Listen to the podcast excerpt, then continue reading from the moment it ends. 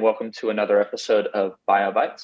My name is Joshua Fuller, and today I am joined by Dr. Thomopoulos, the director of the Carroll Laboratory for Orthopedic Surgery. So, uh, Dr. Thomopoulos, could you please give us more about your background, what you study, and a little about yourself?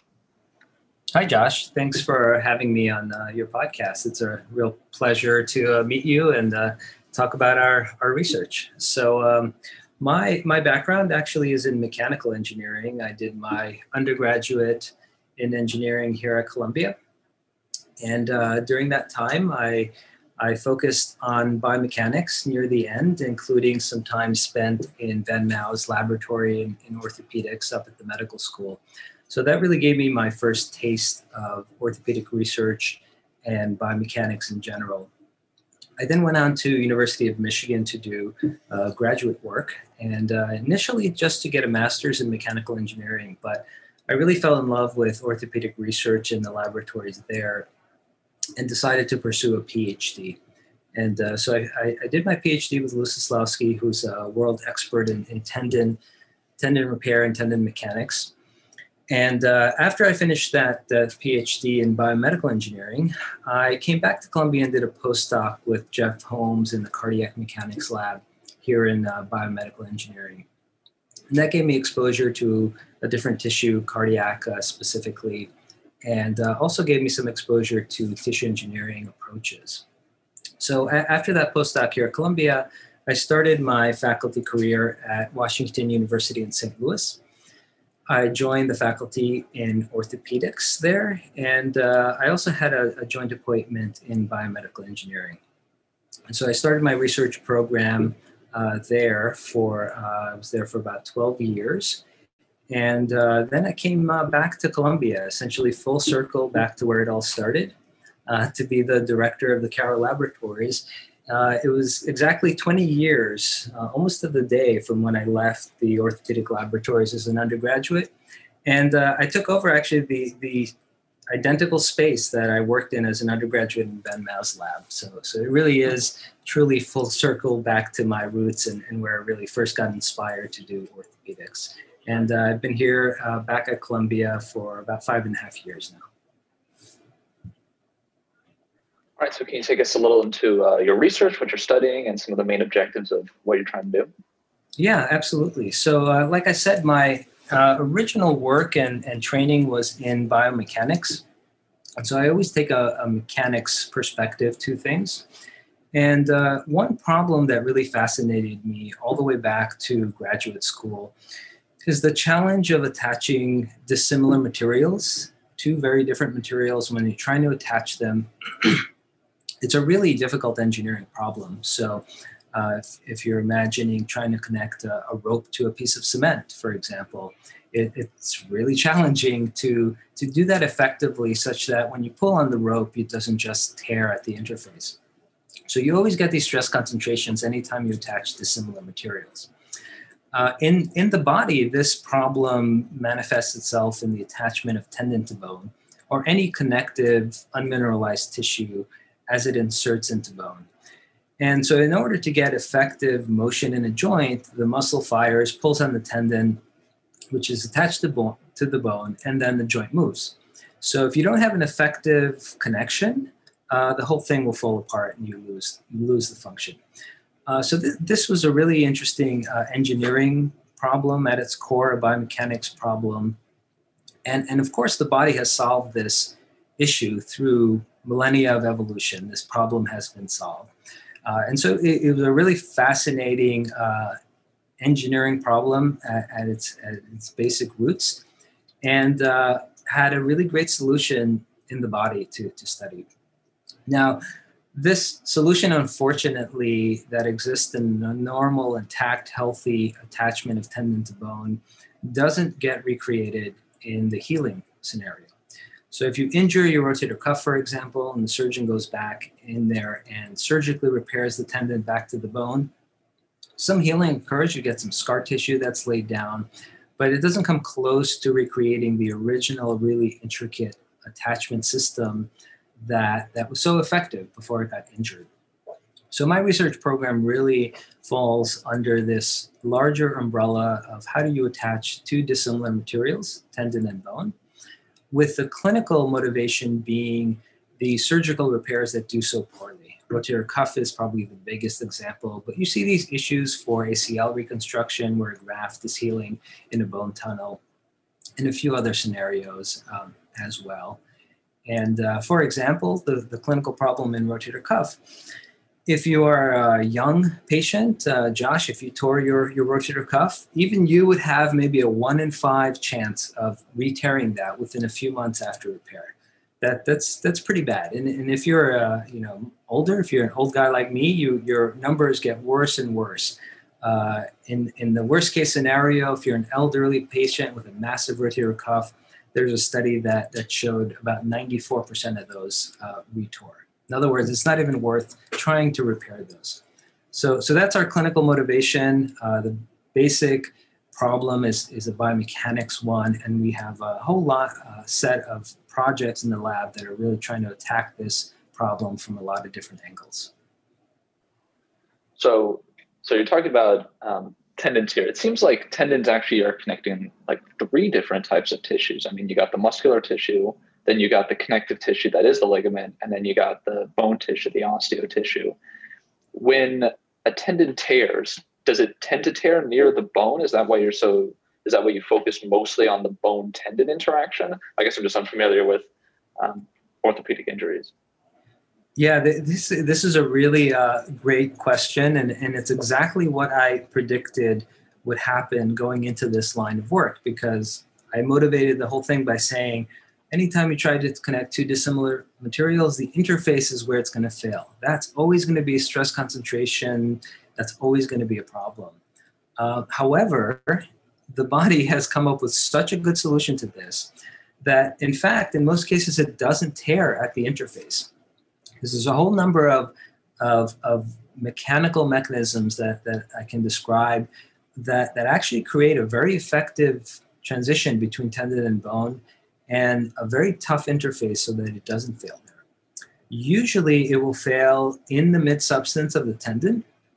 And in rotator cuff, for example, the, the typical tear occurs after some level of degeneration has occurred due to a lot of different tendinopathies, age, a lot of conditions will lead to degradation of the tendon. And then eventually it will, it will tear somewhere, not at the insertion, but a little bit off from it. So the, so the interface actually is, is, is pretty effective at transferring the load from the muscle to the tendon to the bone. Uh, however, when the surgeon goes in to repair it, in the case of rotator cuff, they're pretty much always repairing the tendon back to bone. There's not enough tendon left still attached to bone to do any sort of repair. And in the case of an ACL, uh, on the other hand, uh, the, the ligament stumps are so short that they don't even bother trying to repair it. In most cases, they'll go in and do a complete reconstruction and put a, a tendon graft in its place. Uh, so, so no, actually, it doesn't tear at the interface because there are quite a few really interesting ways that, that the body evolved to, to solve this problem. Um, for example, if you think about the mineral content, uh, tendon has no mineral in it and bone is maybe 50 volume percent mineral. That's what makes it so rigid and stiff. And at the interface between the two tissues, you go from zero to 50% mineral in a graded fashion. So over the course of a certain distance, a couple hundred micrometers, you have this gradual increase in mineral. And what that does mechanically is dissipate the stresses and give you a more effective uh, attachment. And this is one of the things that doesn't get regenerated during the healing and, and one of the reasons those repairs fail. So I guess that was going to be my next question: is is that the reason that uh, these repairs fail? Is that you know what about this interface is so hard to replicate artificially, and is it this this this uh, gradient of like I guess calcium and other um, ions, sorry minerals from the ligament to the bone? Is that really difficult to replicate? Yeah, there, there, there's a number of features that, that are not, not replicated. But I would back up and say that the, there's probably two, two parts to this uh, that, that lead to failure.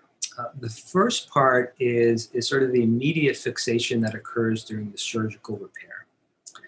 And the second part is the healing process that progresses postoperatively over the course of months and years.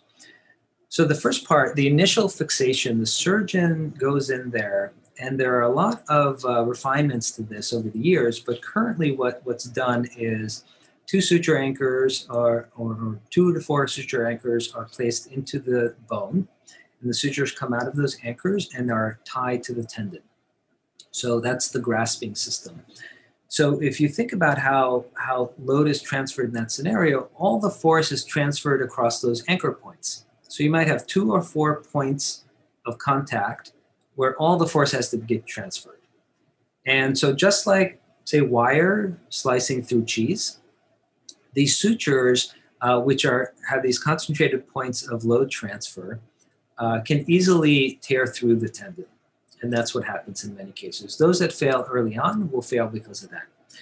The second part is the biologic problem. So, unlike this really well ordered developmental process that occurs that creates this transitional tissue between tendon and bone during fetal and postnatal development, the healing process is completely different and entirely scar mediated.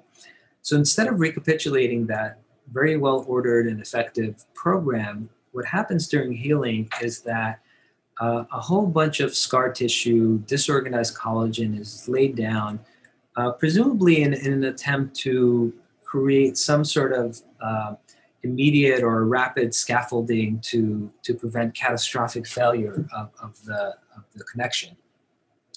And that fibrovascular scar that's laid down is, is vastly inferior mechanically to the original tissue.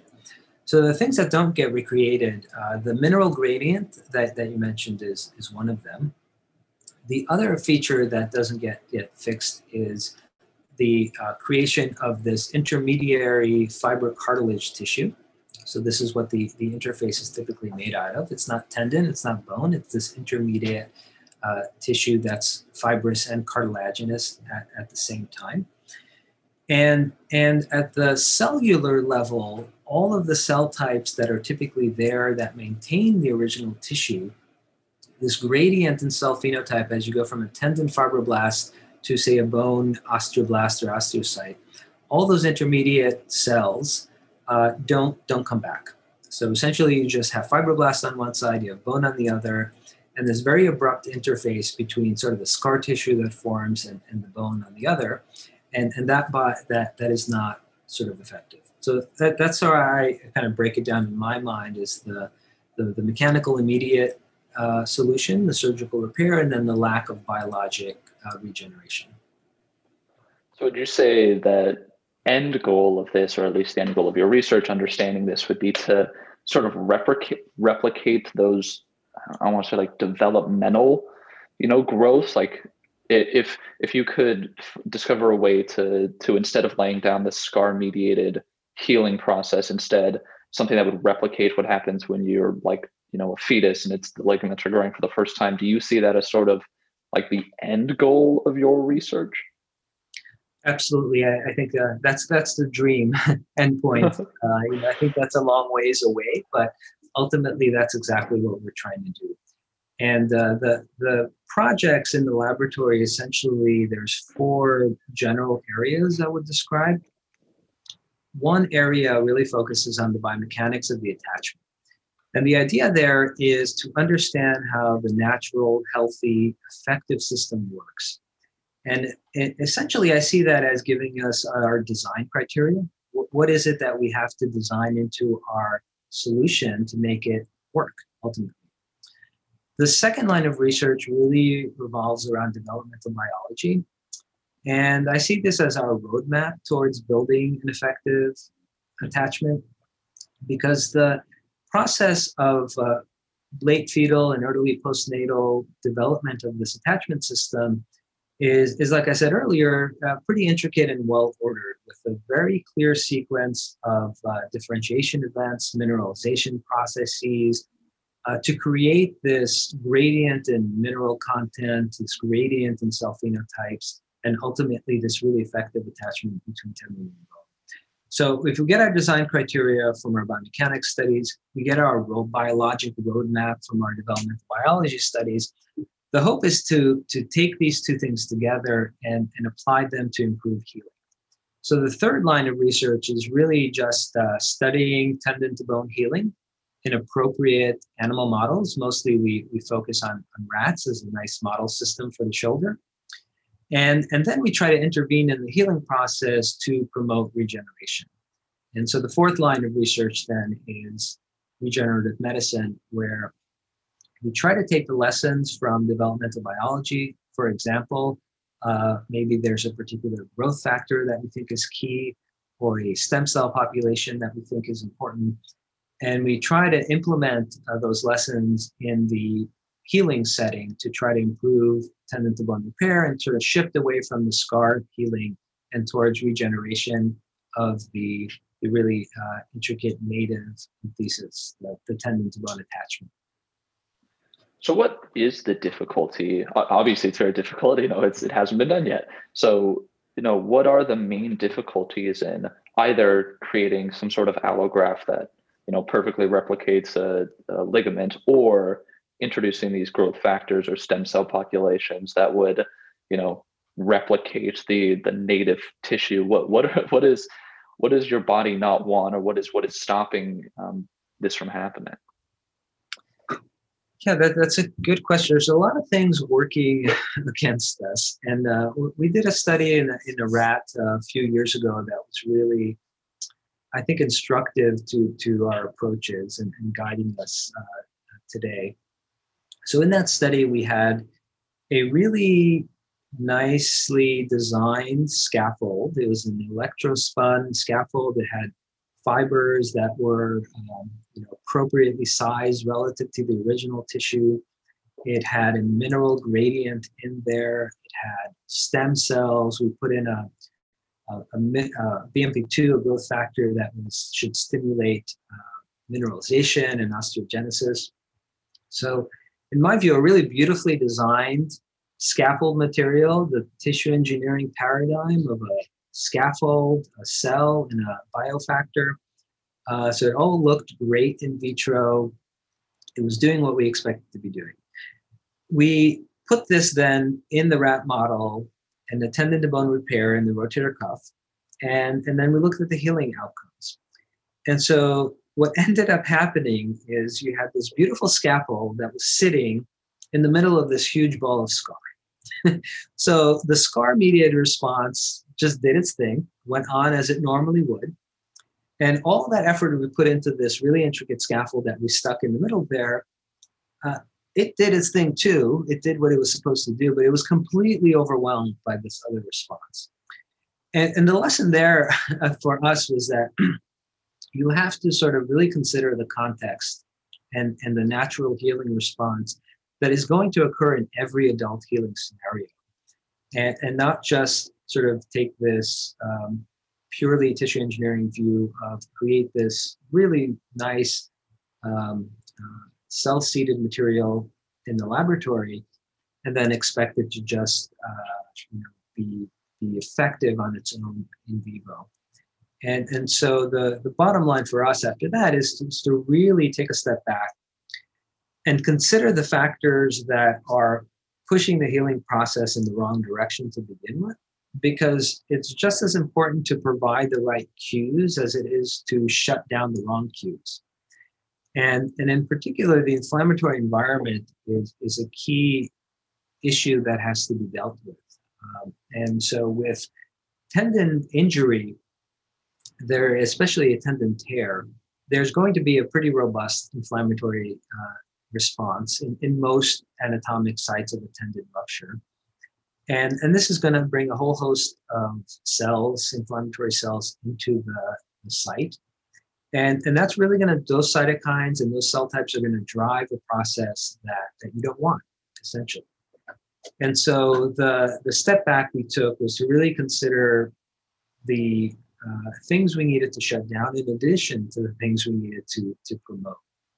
Um, and so more recently, we've taken a, a real interest in, in, and a focus towards understanding the inflammatory environment, both in disease progression before these tears happen and also after the tear occurs. Uh, and we published a study last year where we, we studied this in a couple of mouse models and, and showed that you know, suppressing uh, one aspect of the inflammatory response uh, gave us some improvements in the healing process and, and vice versa. So if you ramped up the inflammatory response, uh, you got some negative outcomes. And we even took this as far as to inhibit uh, the, the process with the small molecule systemic drug and, and got some nice improvements in, in healing outcomes. And, and so I think, you know, baby steps first. the, uh, the very simple, here's a drug that is given systemically that, that suppresses this one negative aspect of healing, this inflammatory response, gave us a nice incremental step forward in how we might improve healing. Uh, with still the dream in place that we can create this scaffold with all the right pieces that, that can then be uh, uh, able to regenerate the entire attachment system. So, this inflammatory response, I mean, humans break a lot of stuff. You know, you break bones, you break skin, you know, you there's a lot of stuff you can hurt yourself. Why is this? I don't want to say maladapted, but you know, why is the inflammatory response specific to to tendon and ligament healing so yeah, maybe not maladaptive, but so you know not as good as healing your bone or healing your skin or healing any other tissue type in your body yeah i, I think com- comparisons to these other tissues is actually very helpful um, you look at uh, bone healing after a fracture or cartilage healing after some defect is formed and, and compared to tendon it, it's i think very very useful to to compare to so bone for example uh, you fracture a bone as long as it's you know kept uh, in proximity to the broken ends and stabilized. it goes through a process that that recapitulates a lot of the developmental program. So you form this cartilaginous callus, which then gets mineralized, and then the entire thing gets remodeled back down. And the bone you end up with after the whole healing process is done is, is pretty similar, reasonably similar to the original bone. So the healing process is really effective. On the other hand, you look at articular cartilage, and if you get a defect or, or a crack or something uh, happens, significant uh, loss of articular cartilage, you're never going to get it back. It's impossible. so you might get some fibrous tissue that fills in the space. You may get a little bit of, of uh, responsiveness, but it's never going to regrow new articular cartilage. I mean, bone and cartilage are really the two ends of the spectrum here. And one of the major differences is that in articular cartilage, uh, the joint fluid and everything that's circulating in that environment pretty much shuts down uh, any regenerative response, prevents anything from, from really uh, occurring uh, to replace that articular cartilage. Now, tendon is somewhere in the middle because you do get, in most cases, a robust healing response. It doesn't regenerate uh, or recapitulate development the way bone does in many ways. It's also not completely inactive the way articular cartilage is. So, so there is, I think, a lot of room in there to tweak the process, push things in the right direction, and get a better healing outcome. And uh, in, in, in, tendon, inflammation is, is a really interesting and, and difficult thing to grasp if you look at the literature and the way many of these conditions are treated. Because if, if you go to the literature and search for inflammation being bad for tendon healing, you'll get a lot of studies and you'll see, especially in animal models, high levels of inflammation clearly detrimental to tendon healing or tendon bone healing.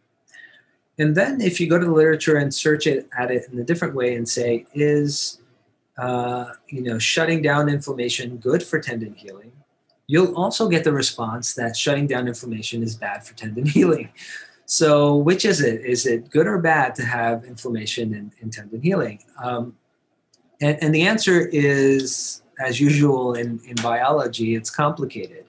And it's somewhere in the middle because the studies that have completely shut down inflammation with, for example, broadly acting uh, anti inflammatory medications, if you take a big hammer to inflammation and completely shut it down, you prevent the positive aspects of inflammation that are necessary for healing. In other words, the cells that will attract fibroblasts and promote proliferation of those fibroblasts and production of new matrix to replace the damaged matrix. So uh, it is somewhere in the middle, and there's a very a lot of nuance here about uh, the inflammatory process that's driven by macrophages towards uh, scar versus the uh, type of inflammatory response also driven by a different type of macrophage towards regeneration. Uh, and this is a paradigm that's been explored in, in a number of, of different tissues, uh, but it applies to tendon as well, in that, you know, uh, again, completely shutting down inflammation or ramping up inflammation, both are going to be detrimental. But if you target inflammation appropriately, uh, I think you, you can get the, the positive effects without the negative.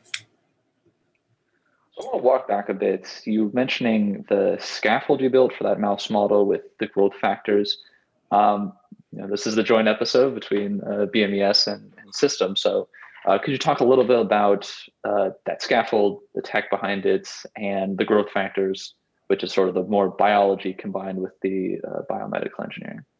Sure, sure. So, we try to take mostly a biomimetic approach in, in what we do on the. Can you define that term?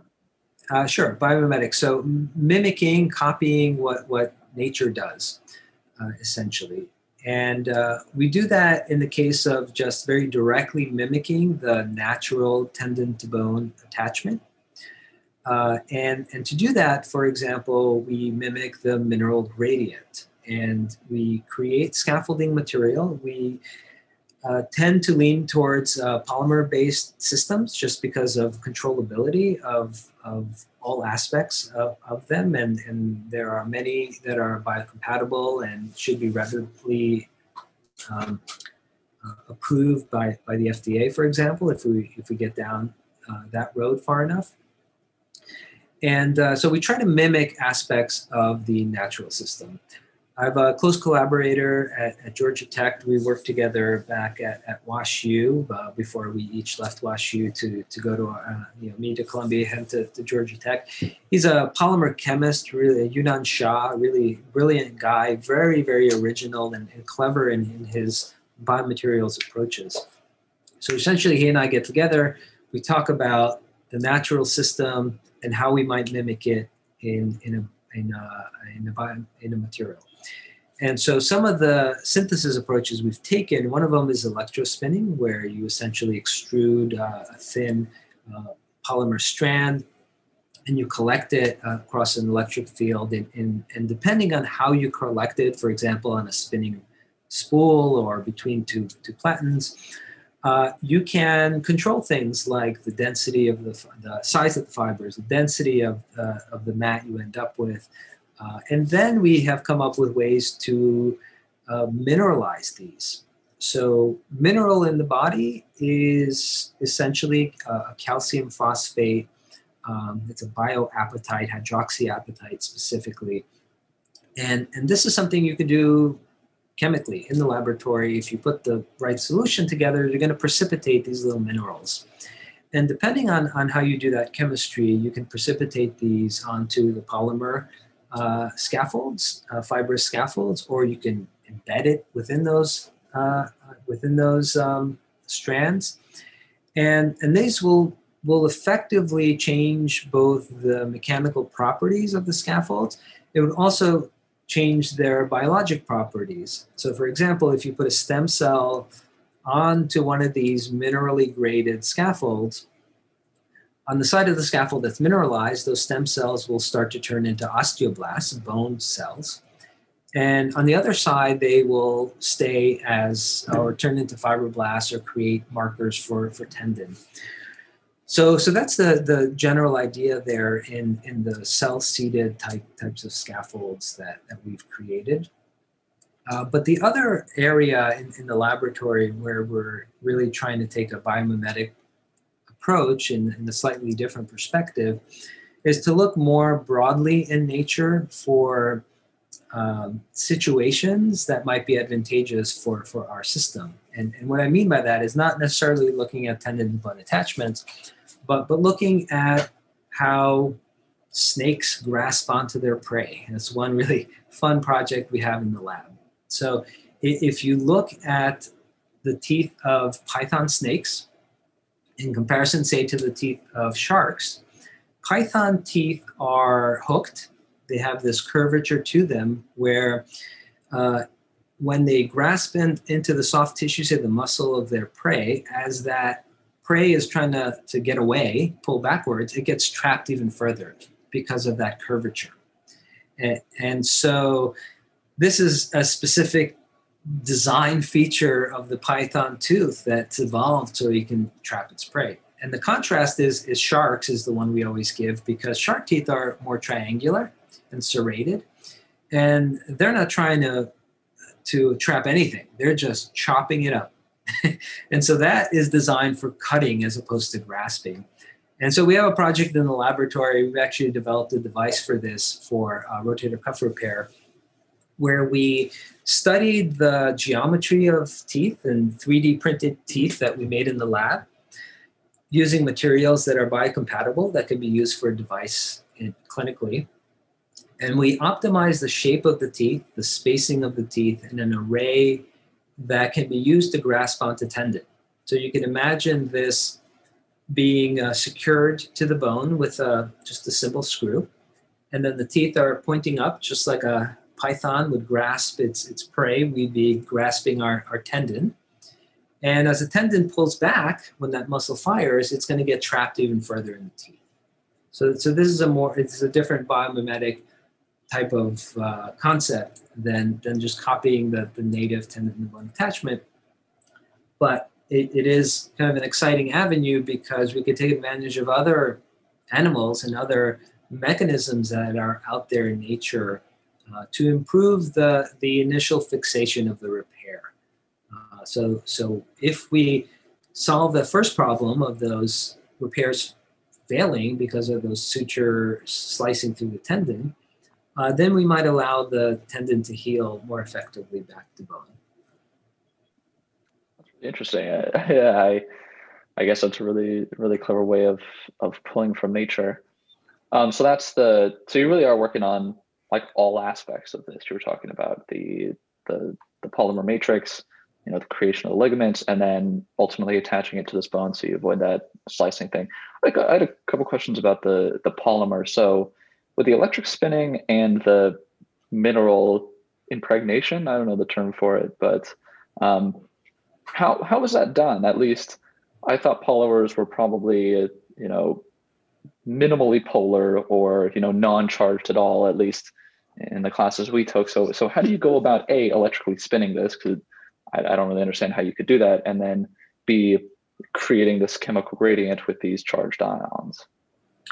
Yeah, so the electrospinning, it's a very, it's actually a pretty old technique that came back in favor in the, in the recent decades. It, it's really as simple as, um, as, as a needle that's extruding polymer that is not uh, in solution effectively and as it you know the longer it stretches the thinner it becomes. So you can create these nanometer size or micrometer size uh, fibers and and they are laid down in a particular way. And how you collect them essentially is is the the trick for say getting an aligned scaffold which is what you would want for for tendon or tendon to bone attachment. The the mineral gradient is is something you have to be uh, a little bit clever to to come up with with gradient systems because it, it's not so simple as you say to to add this on. Uh, but essentially, our first version of this many years ago, the solution was essentially to rely on the fact that the mineralization process takes a certain amount of time depending on the chemistry and the order of minutes or even you know tens of minutes or, or hours depending on how, how you want to set things up but because it, it takes some time to mineralize uh, what we did was essentially put the scaffold into a uh, container and in a very controlled fashion, added mineralization solution to it. So as the level of that solution rose in the container, the bottom of the scaffold was exposed to the mineralizing solution longer than the top. Right? So you do that and and you can control the exact length and um, range of, of mineral density based on the timing that, that you do that in. That, that was sort of our first attempt at, at, at this was was just take a very you know pretty simple approach but but it worked very well uh, the the issue with that and why we've sort of left it behind more recently is that the, the length of the gradient that you can create with that is maybe on the order of, of you know millimeter um, and we want to scale that down smaller to be closer to sort of the 100 micrometer scale that, that we see in the natural tissue. Uh, so now what some of the approaches that, that uh, we're doing that, that Younan is, is leading down to Georgia Tech is uh, various fabrication techniques where uh, we can create the different layers of uh, that we need for, for the, the attachment where you have a bottom layer that's more fully mineralized. We use one approach to do that that's a little bit more of a standard, say, bone tissue engineering approach. Uh, and, and then uh, he uses some laser drilling to create porosity in it. And then there's a, a sort of a, a, painting, layering, layer by layer approach additively um, allows you to you know, create your, your gradient on the scale of, say, uh, tens of microns, which is more physiologic. And then with the attachment tech you were talking about, how do you handle the the force distribution on that? Because I'm thinking, you know, that's a that's a snake tooth. You're you're you know chomping up mice, or I guess maybe not chomping up mice, but you know dragging them in. How do you you know handle the not tearing the ligament when you know someone tries to curl 50 pounds or something? Yeah, yeah. Th- this is the this is the key design feature for the uh, the tooth and the array of teeth. So, depending on the shape of the tooth, uh, you will get a different response, and it will flip from grasping to cutting uh, at, at a certain point. And uh, you obviously don't want it to be in the cutting range because then that would be just like the, the, the suture slices through the tendon and pulls out. And so we did experiments in the laboratory with five different geometries of teeth. And then we did further experiments to optimize sort of what the single tooth shape should be. And then we did another series of experiments in the lab, uh, trying three different arrays of teeth. So depending on how close the teeth are together, what their spacing is, you're going to get a different level of grasping. And then we did some computer simulations for both as well to try to come up with somewhat of an, an optimized scenario uh, of, of teeth for that and uh, we're we're happy with with where we are. We we have a a, uh, a project now that's really at the level of shoulder cadaver testing, where one of the students in the lab is is trying to test this in more of a real world situation. Surgeon uh, that I collaborate with will will do the standard surgical repair he does on his patients, and then we go in and insert this device in between the repair to see if we can uh, augment or improve the, the repair strength. So obviously the nature of your work is very collaborative. You have to work with surgeons, you have to work with material scientists. Um, is that something you enjoy about uh, this profession? Is you know, you, you're at the joints, you're at the, the intersection of a lot of things. Is that is that exciting? Absolutely. I think it, it's one of the most fun things about being a scientist. Um, I think I'm, I'm easily distracted. So uh, I see, you know, way back uh, after graduate school and, and, when I first started my faculty position, uh, I saw some really fascinating developmental biology work. I had only engineering training up to that point.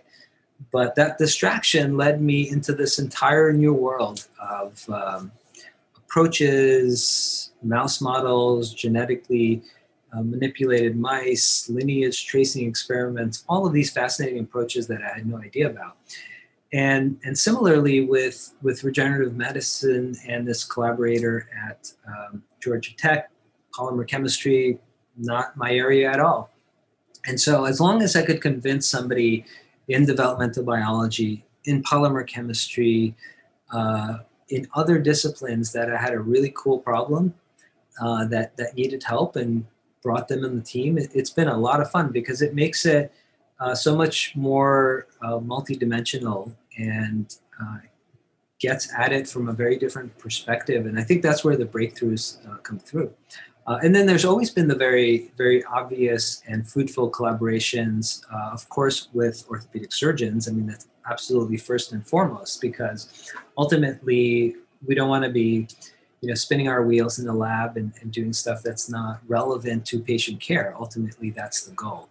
Um, and so I've had orthopedic surgeon collaborators from graduate school up until today, uh, quite a few, and they've been really integral to, to the process. Um, but but yes, I would say developmental biologists, um, some theoretician. There's uh, Guy Genin is is probably my closest collaborator. He's a mechanical engineer at Washington University, and has really led all of our modeling efforts to understand the biomechanics of, of the attachment.